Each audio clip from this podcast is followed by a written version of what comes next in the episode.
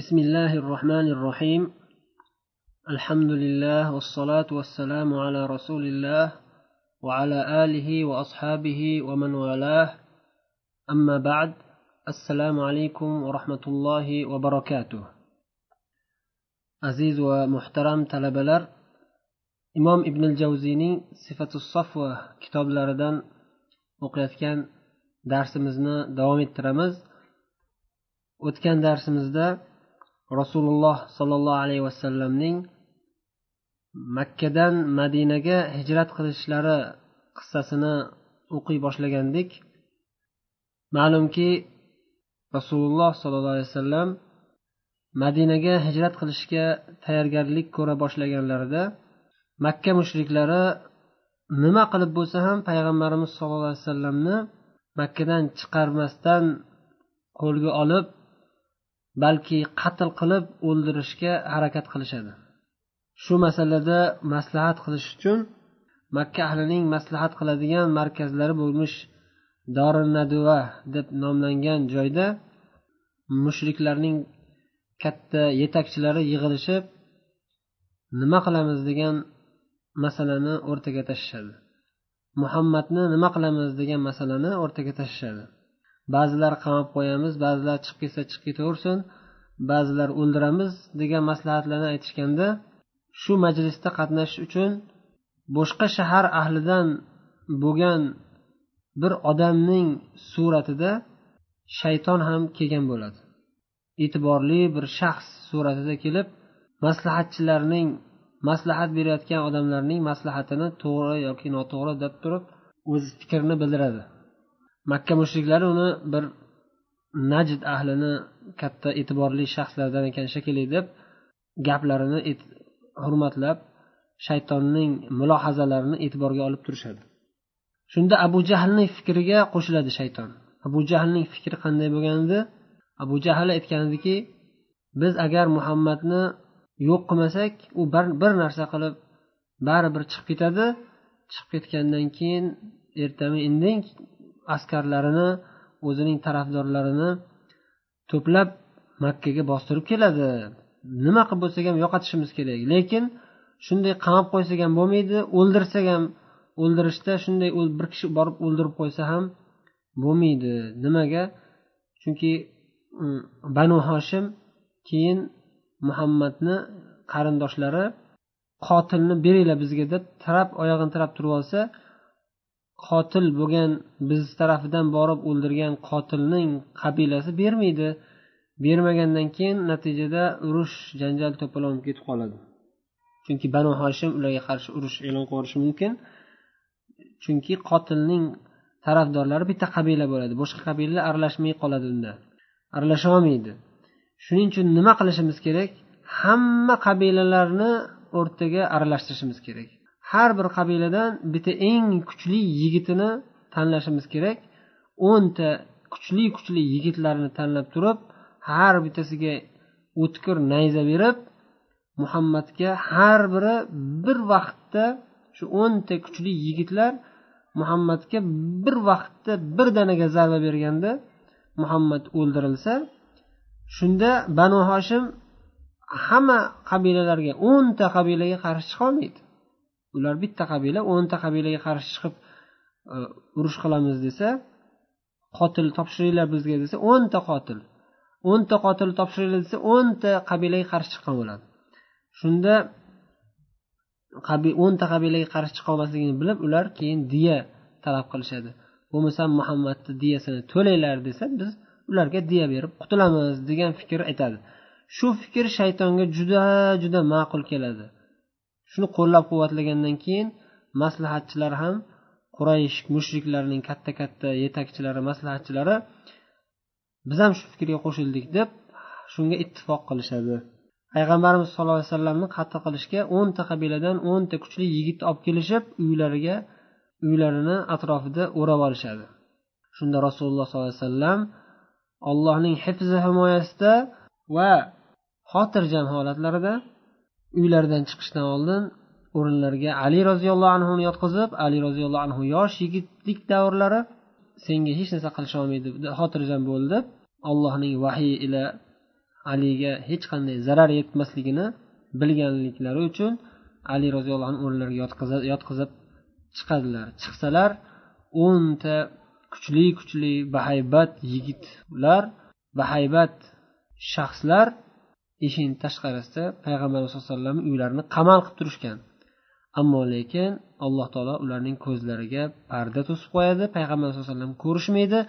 Rasululloh sollallohu alayhi vasallam yer tuprog'idan yerdan ozgina tuproq olib turib shahatil vujuh deb turib tuproq sochib har bittasini boshiga ozgina tuproq ham qo'yib ketadilar ba'zi rivoyatlarda aytilishicha. Hech narsa sezishmaydi. O'sha o'nta zolimlarning orasidan sekin chiqib ketadilar to'g'ri abu bakr siddiq roziyallohu anhu uylariga borib abu bakr roziyallohu anhu bilan keyin birgalikda kechasi abu bakr siddiqning orqa tarafidagi eshiklaridan abu bakr siddiqning hovlilarini orqa tarafidagi bir kichkina maxfiy eshikdan chiqib ketishadi. Chiqib borishib makka mukarramaning janubiy tarafida ya'ni madinaga teskari jihat madina shimoliy jihatda joylashgan bular janubiy tarafga qarab yo'l olishib borib toqqa chiqishib jabal savrda g'orda uch kun bekinib yotishadi. O'tgan darsda aytganimizdek va shu g'orda bekinishib yotishgan paytlari mushriklar u yoqda biron bir joyi qo'ymasdan payg'ambarimiz sallallohu alayhi vasallam qattiq qidirishayotgan uylaridan chiqib ketganliklarini bilishgandan keyin juda ham qattiq alamlari kelgan. Hech qayerni qoldirmasdan hech kimni tinch qo'ymasdan butun makka ahliga va hatto makkadan tashqaridagi qabilalarga ham ochiq e'lon qilishadiki kimki muhammadni yoki abu bakrni qaysi birini bo'lsa ham tirik holatda yoki o'lik holatda bo'lsa ham ushlab kelsa yuztadan tuya beramiz. Muhammadga yuzta tuya abu bakrga yuzta tuya deb va'da berishadi. Uch kun mobaynida rasululloh sollallohu alayhi vasallam va abu bakr siddiq roziyallohu anhu g'orda bekinib o'sha yerda yotishadi va uch kun asnosida ularga abu bakr siddiqning qizlari asmo roziyallohu anho taom olib kelib berib turadilar va abu bakr siddiq roziyallohu anhuning xizmatchilari amir ibn fuhayra esa qo'ylarini boqib yurib sekin kechasi bo'lganda kelib sut berib ularni sut bilan sug'orib ketardilar.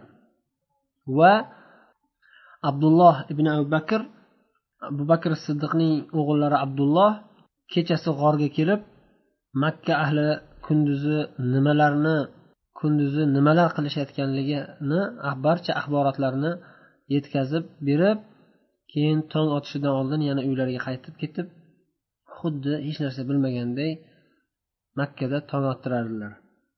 Abu bakr siddiq roziyallohu anhu bilan rasululloh sollallohu alayhi vasallam g'orga kirishgan vaqtda abu bakr siddiq to'xtab turing ey rasululloh deb turib g'orni ichkarisiga o'zlari birinchi kirib ichkarini tozalab odam kirsa bo'ladigan holatda qilib keyin rasululloh sollallohu alayhi vasallamni kirishlariga e, taklif qiladilar.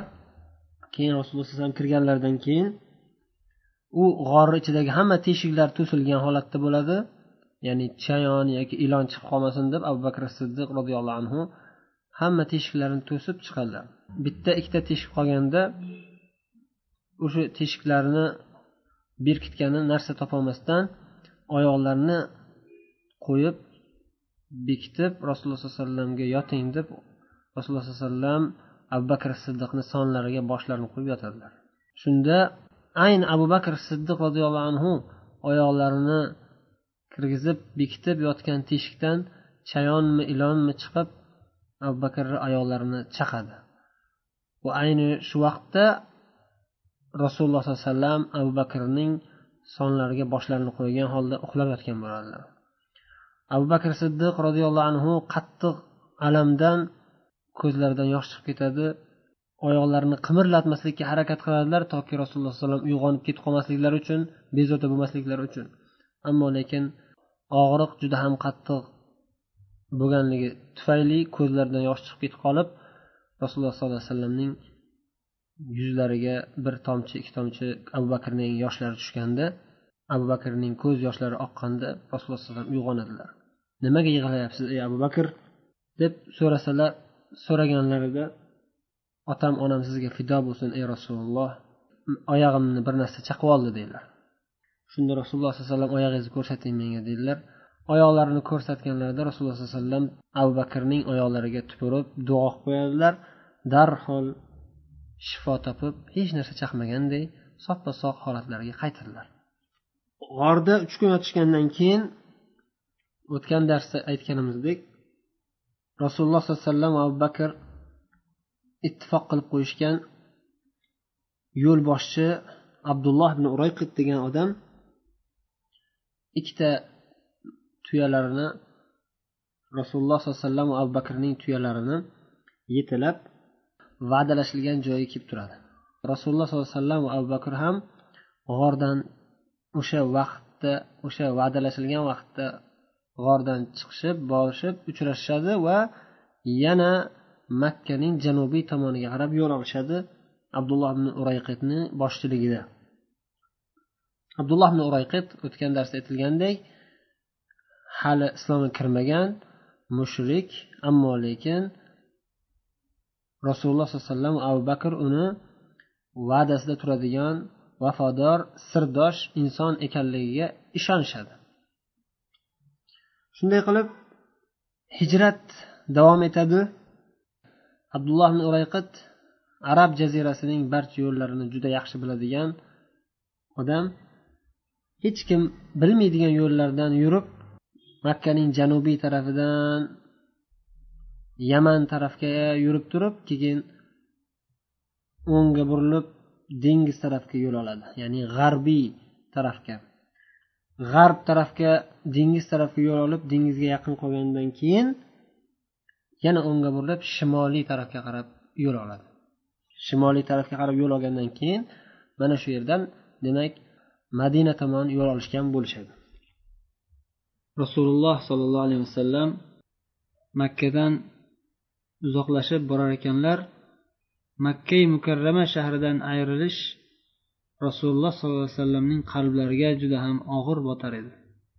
Makkai mukarramadan chiqib ketar ekanlar orqalariga qarab kabatullohga yuzlanib makkai mukarramaga xitob qilib aytdilarki vallohi innaki la xayru ardillah va ahabbu ardillah ilalloh ولولا أني أخرجت منك ما خرجت qasam allohgaki albatta sen ya'ni makka mukarrama ollohning yerlari ichida eng yaxshisi ollohning yerlari ichida allohga eng suyuklisi agar meni majburlab chiqarib yuborilmaganda men bu shahardan aslo chiqib ketmas edim dedilar ammo lekin ollohning dini olloh yo'lida hijrat qilish barcha aziz narsalardan ham azizroqdir.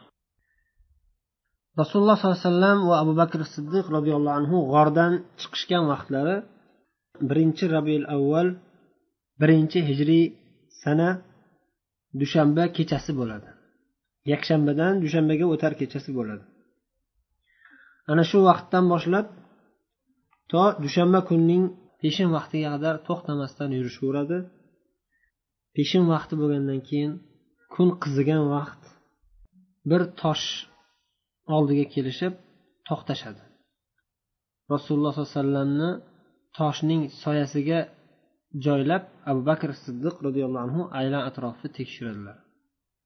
Aylan atrofni tekshirib qo'y boqib yurgan bir odamni topadilar. Shunda uni qo'ylaridan birontasida suti bormi deb abu bakr undan sut so'raydilar. Sut sotib oladilar. Rasululloh sollallohu alayhi vasallam dam olib keyin ko'zlarini ochib uyg'onganlarida qarasalar abu bakr siddiq roziyallohu anhu sut olib kelib tayyorlab qo'ygan bo'ladilar rasululloh sollallohu alayhi vasallam sutdan ichib qorinlarini biroz to'yg'azganlaridan keyin yana hijrat yo'lida davom etishadi. Shu bilan birinchi kun o'tadi. Ikkinchi kun ancha masofa yurishgandan keyin ikkinchi kuni yo'lda yana dam olgani munosib joy qidirishayotganda o'sha mintaqa o'sha yetib borishgan mintaqalari qudaydga yaqin qolgan qudayd degan mintaqaga yaqin qolgan joy bo'ladi. Makkadan taxminan bir yuz o'ttiz kilometr uzoq joyda joylashgan mintaqa. U yerda ummu mabad degan bir mashhur ayolning chodiri bo'ladi. Qarashsa u ayol bitta o'zi chodirida o'tirgan. Shunda undan so'rashadi biron bir ovqat bormi biron bir taom bormi? deb so'rashadi. U ayol juda ham go'zal axloqli mehmondo'st ayol bo'lganligi bilan tanilgan. Ammo lekin ochlik qiyinchilik holatda. Shuning uchun ayol uzr so'raydiki qo'ylarimiz uzoqqa ketgan qo'ylarimizni o'tloqqa aylantirish uchun erim olib ketgan. Uyimizda hech qanday bir taom qolmagan deydi. Shunda rasululloh sollallohu alayhi vasallam qarasalar chodirni bir chetida bir ozg'in sulayib qolgan bir qo'y turgan bo'ladi bir tomchi bir tomchi ham sut chiqmaydi u qo'ydan o'zi aslida. Lekin rasululloh sollallohu alayhi vasallam bu ayoldan mana shu qo'yni men sog'sam ruxsat berasizmi? deb so'raydilar shunda u ayol albatta bir tomchi sut chiqsa ham qani edi? deb aytadi. Rasululloh sollallohu alayhi vasallam bu qo'yni ushlab unga dam solib duo qilib keyin sog'adilar alloh taolo bu qo'yga shunday barakotlarni yog'dirib katta bir qozonday idishga qozondan ham katta bir idishga to'la sut beradi. Besh olti kishi zo'r ko'taradigan idish deb aytilgan rivoyatlarda.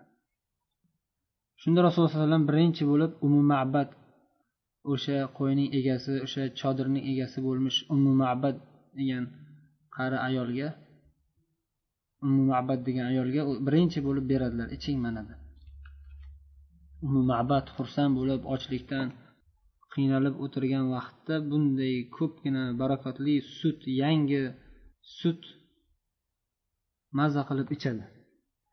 Va undan keyin rasululloh sollallohu alayhi vasallam o'zlari yo'ldoshlariga rasululloh sollallohu alayhi vasallam o'zlari hammaga sutdan berib sug'orib hammani sug'orib chiqadilar.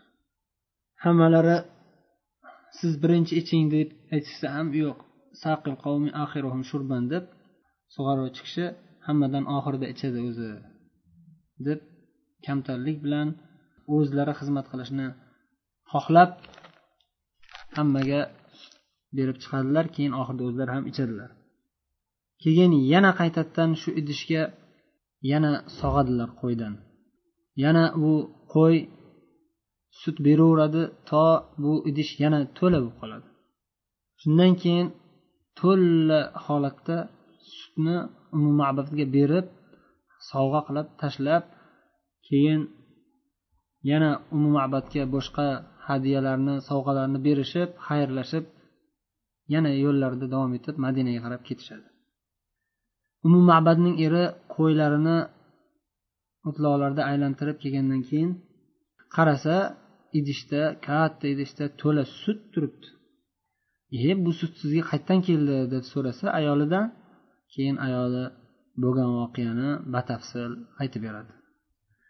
Rasululloh sollallohu alayhi vasallamni tashqi ko'rinishlarini boshlaridan tortib oyoqlarigacha shunday bir ajoyib chiroyli so'zlar bilan sifatlab beradiki va undan tashqari rasululloh sollallohu alayhi vasallam axloqlarini va rasululloh sollallohu alayhi vasallamga bo'lgan aylan atrofdagi do'stlarining ehtiromlarini ya'ni abu bakr siddiq va abu bakr siddiqning xizmatchilari omir ibn fuhayraning rasululloh sollallohu alayhi vasallamga bo'lgan buyuk ehtiromlarini va rasululloh sollallohu alayhi vasallamning yana hozir aytganimizdek eng qattiq ta'sirlanarli go'zal xulqlarini sifatlab beradi.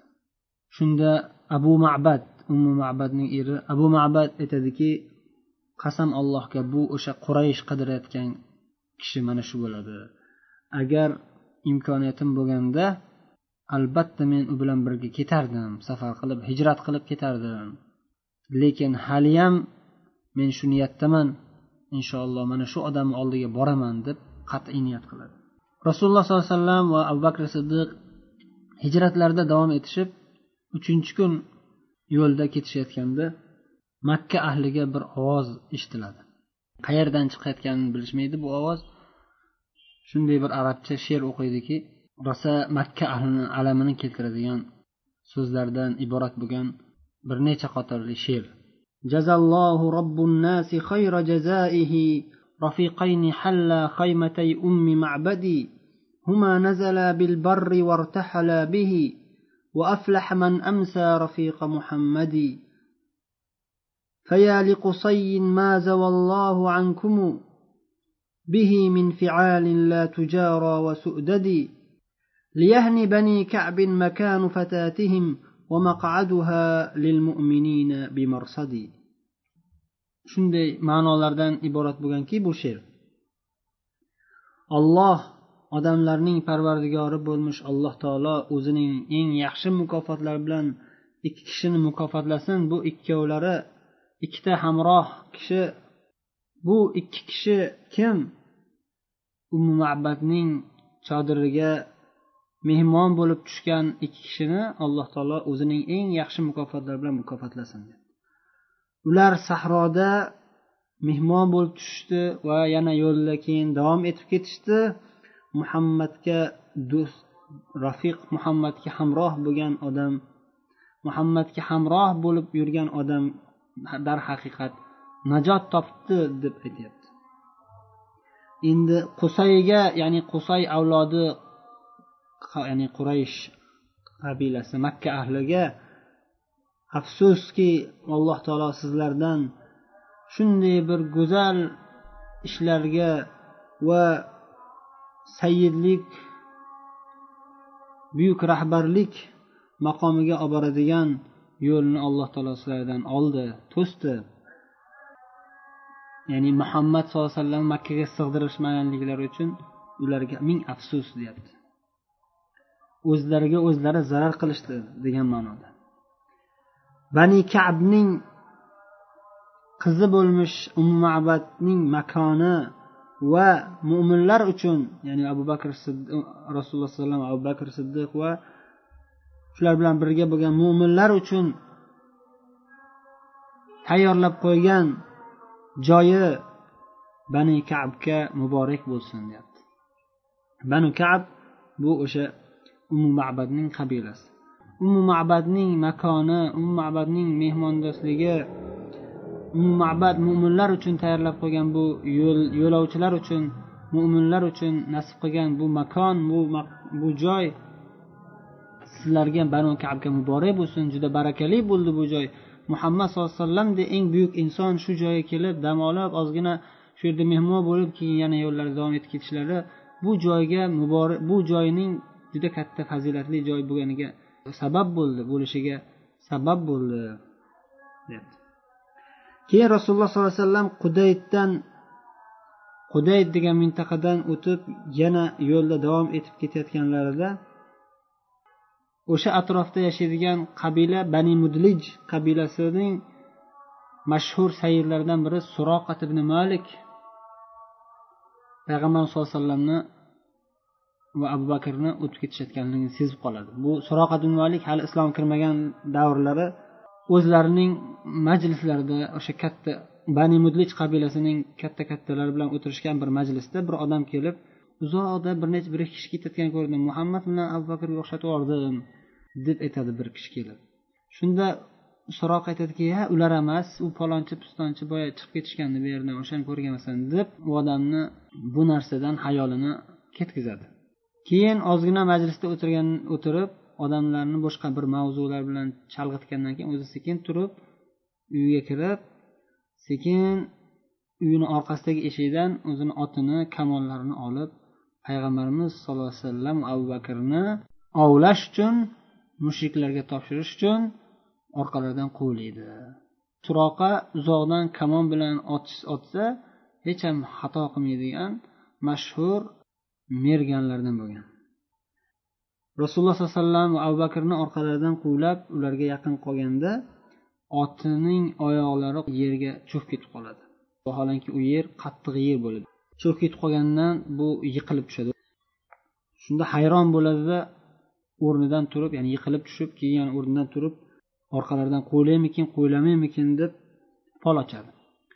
Qo'ylamagin qo'ylamagin ularga zarar tegizmagin degan ma'noda shu unga haligi keladi. Javob bo'ladi ya'ni xuddiki. Shunda u o'shanga ham qaramasdan yuzta ikki yuzta tuyadan quruq qolmay deb yana qo'ylaydi. Yana yaqinlashib kelib payg'ambarimiz sallallohu alayhi vasallamni qur'on tilovat qilib ketayotganlarini eshitadi. Payg'ambarimiz sallallohu alayhi vasallam hech qaysi tarafga burilmasdan yo'llarida davom etib xotirjam qur'on tilovat qilib ketayotgan bo'ladilar abu bakr roziyallohu anhu esa payg'ambarimizni tinchliklarini xavfsizliklarini o'ylab u yoqqa qaraydilar bu yoqqa qaraydilar orqaga oldinga o'ngga chapga qarab hech kim qo'ylamayaptimikin bizni deb tekshirib yuradilar doim. Qarasalar orqadan suroqat ibn malik bostirib kelyapti. Shunda suroqat ibn malik payg'ambarimiz sallallohu alayhi vasallamning qiroatlarini eshitadigan darajada yaqin qolganda yana qaytadan oti oyoqlari yerga cho'kib ketib yiqilib tushadi. Yana qaytadan otini turg'izaman deb harakat qiladi lekin ot chiqishi qiyin bo'ladi judayam. Zo'rg'a otini yerdan oyoqlarini yerdan sug'urganda otning oyoqlaridan shunday bir yaltirlagan chang chiqib osmonga tikkasiga osmonga ko'tarilib ko'tariladi. Xuddi tutunga o'xshab. Va yana qaytadan bularga zarar yetkazaymikin yetkazmaymikin deb folatishga harakat qiladi. O'zidan o'zi uni ichiga qattiq bir qo'rquv tushib ketadi. Titrab qoladi keyin. Suroqa rasululloh sollallohu alayhi vasallamning da'vatlari yo'llari haq ekanligiga qalbida keyin ishonch hosil bo'lib o'sha yerdayoq taslim bo'lib nido qiladi. Ey muhammad ey abu bakr bo'ldi man sizlarga hech qanday zarar tegizmayman hech qanday ozor bermayman deb va'da berib to'xtanglar faqat sizlarga men yangiliklarni xabarini berib qo'yay deb aytadi. Keyin shunda rasululloh sollallohu alayhi vasallam to'xtaydilar. Va quraysh nimalarga qaror qilganligi va qanday harakatlarga qo'l urayotganligini suroqa ibn molik payg'ambarimiz sallallohu alayhi vasallamga yetkazadi. Keyin aytadiki madinaga yetib olguningizcha kerakli oziq ovqat kerakli hojatlaringiz bo'lsa ayting man beraman imkoniyatlarni beraman deydi. Shunda rasululloh sollallohu alayhi vasallam hech narsa kerak emas deb aytadilar. Faqat bitta iltimos kim biz haqimizda bu taraflardan qidirmoqchi bo'lsa bizni xabarimizni hech kimga bildirmagin deb iltimos qiladilar keyin suroqat ibn molik kelajakda payg'ambarimiz sallallohu alayhi vasallamning dinlari oliy bo'lishini sezib kelajakda o'zining xavfsizligini o'ylab sizni tarafdorlaringiz menga hech qanday ozor bermasligiga siz kitob yozib bering menga.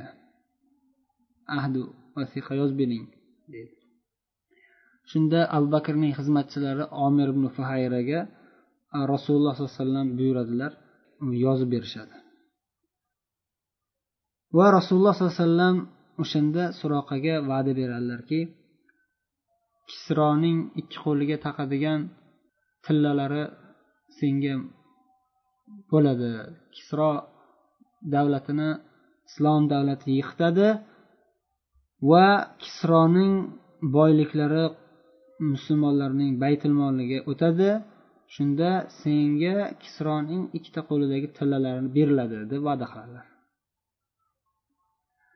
oradan bir qancha yillar o'tgandan keyin umar roziyallohu anhu davrida shu rasululloh sollallohu alayhi vasallamning va'dalari amalga oshadi suroqaga beriladi. Suroqat ibn malik rasululloh sollallohu alayhi vasallam bilan bo'lgan suhbatidan keyin orqaga qaytadi. Kimni ko'rsa men bu tarafni qidirib kelyapman hech kim yo'q ekan deb ko'rgan odamini yo'ldan qaytarib yuboradi. Yana rasululloh sollallohu alayhi vasallam hijratda davom etishadi. Yo'lda burayda ibn husayb al aslamiy roziyallohu anhu bilan uchrashib qolishadi. Bu kishi bani aslam aslam qabilasidan yetmishta o'zlarining tarafdorlari bilan rasululloh sollallohu alayhi vasallamga iymon keltirishib rasululloh sollallohu alayhi vasallam bilan birga sahroda yo'lda o'sha xufton namozini jamoat bo'lib iqtido qilib o'qishadi payg'ambarimizga yana rim degan bir vodiyga yetib borishganda e, vodiy rim degan joyga yetib borishganda shomdan qaytib kelayotgan tijoratchilardan zubayr ibn avvom roziyallohu anhu va bir qancha musulmonlar rasululloh sollallohu alayhi vasallam bilan uchrashib qolishadi. Shunda zubayr roziyallohu anhu shomdan olib kelayotgan qimmatbaho oq oppoq rangli kiyimlarni payg'ambarimiz sallallohu alayhi vasallam va abu bakrga bir sovg'a qiladilar. Keyin o'sha yangi kiyimlarni kiyishib rasululloh sollallohu alayhi vasallam va abu bakr siddiq abu bakr siddiq roziyallohu anhu madinaga kirib borishadi. Sakkizinchi rabiul avval dushanba kuni quboga yetib kelishadi. Qubo mahallasiga madinani janubiy tarafida joylashgan mashhur qubo mahallasiga yetib kelishadi.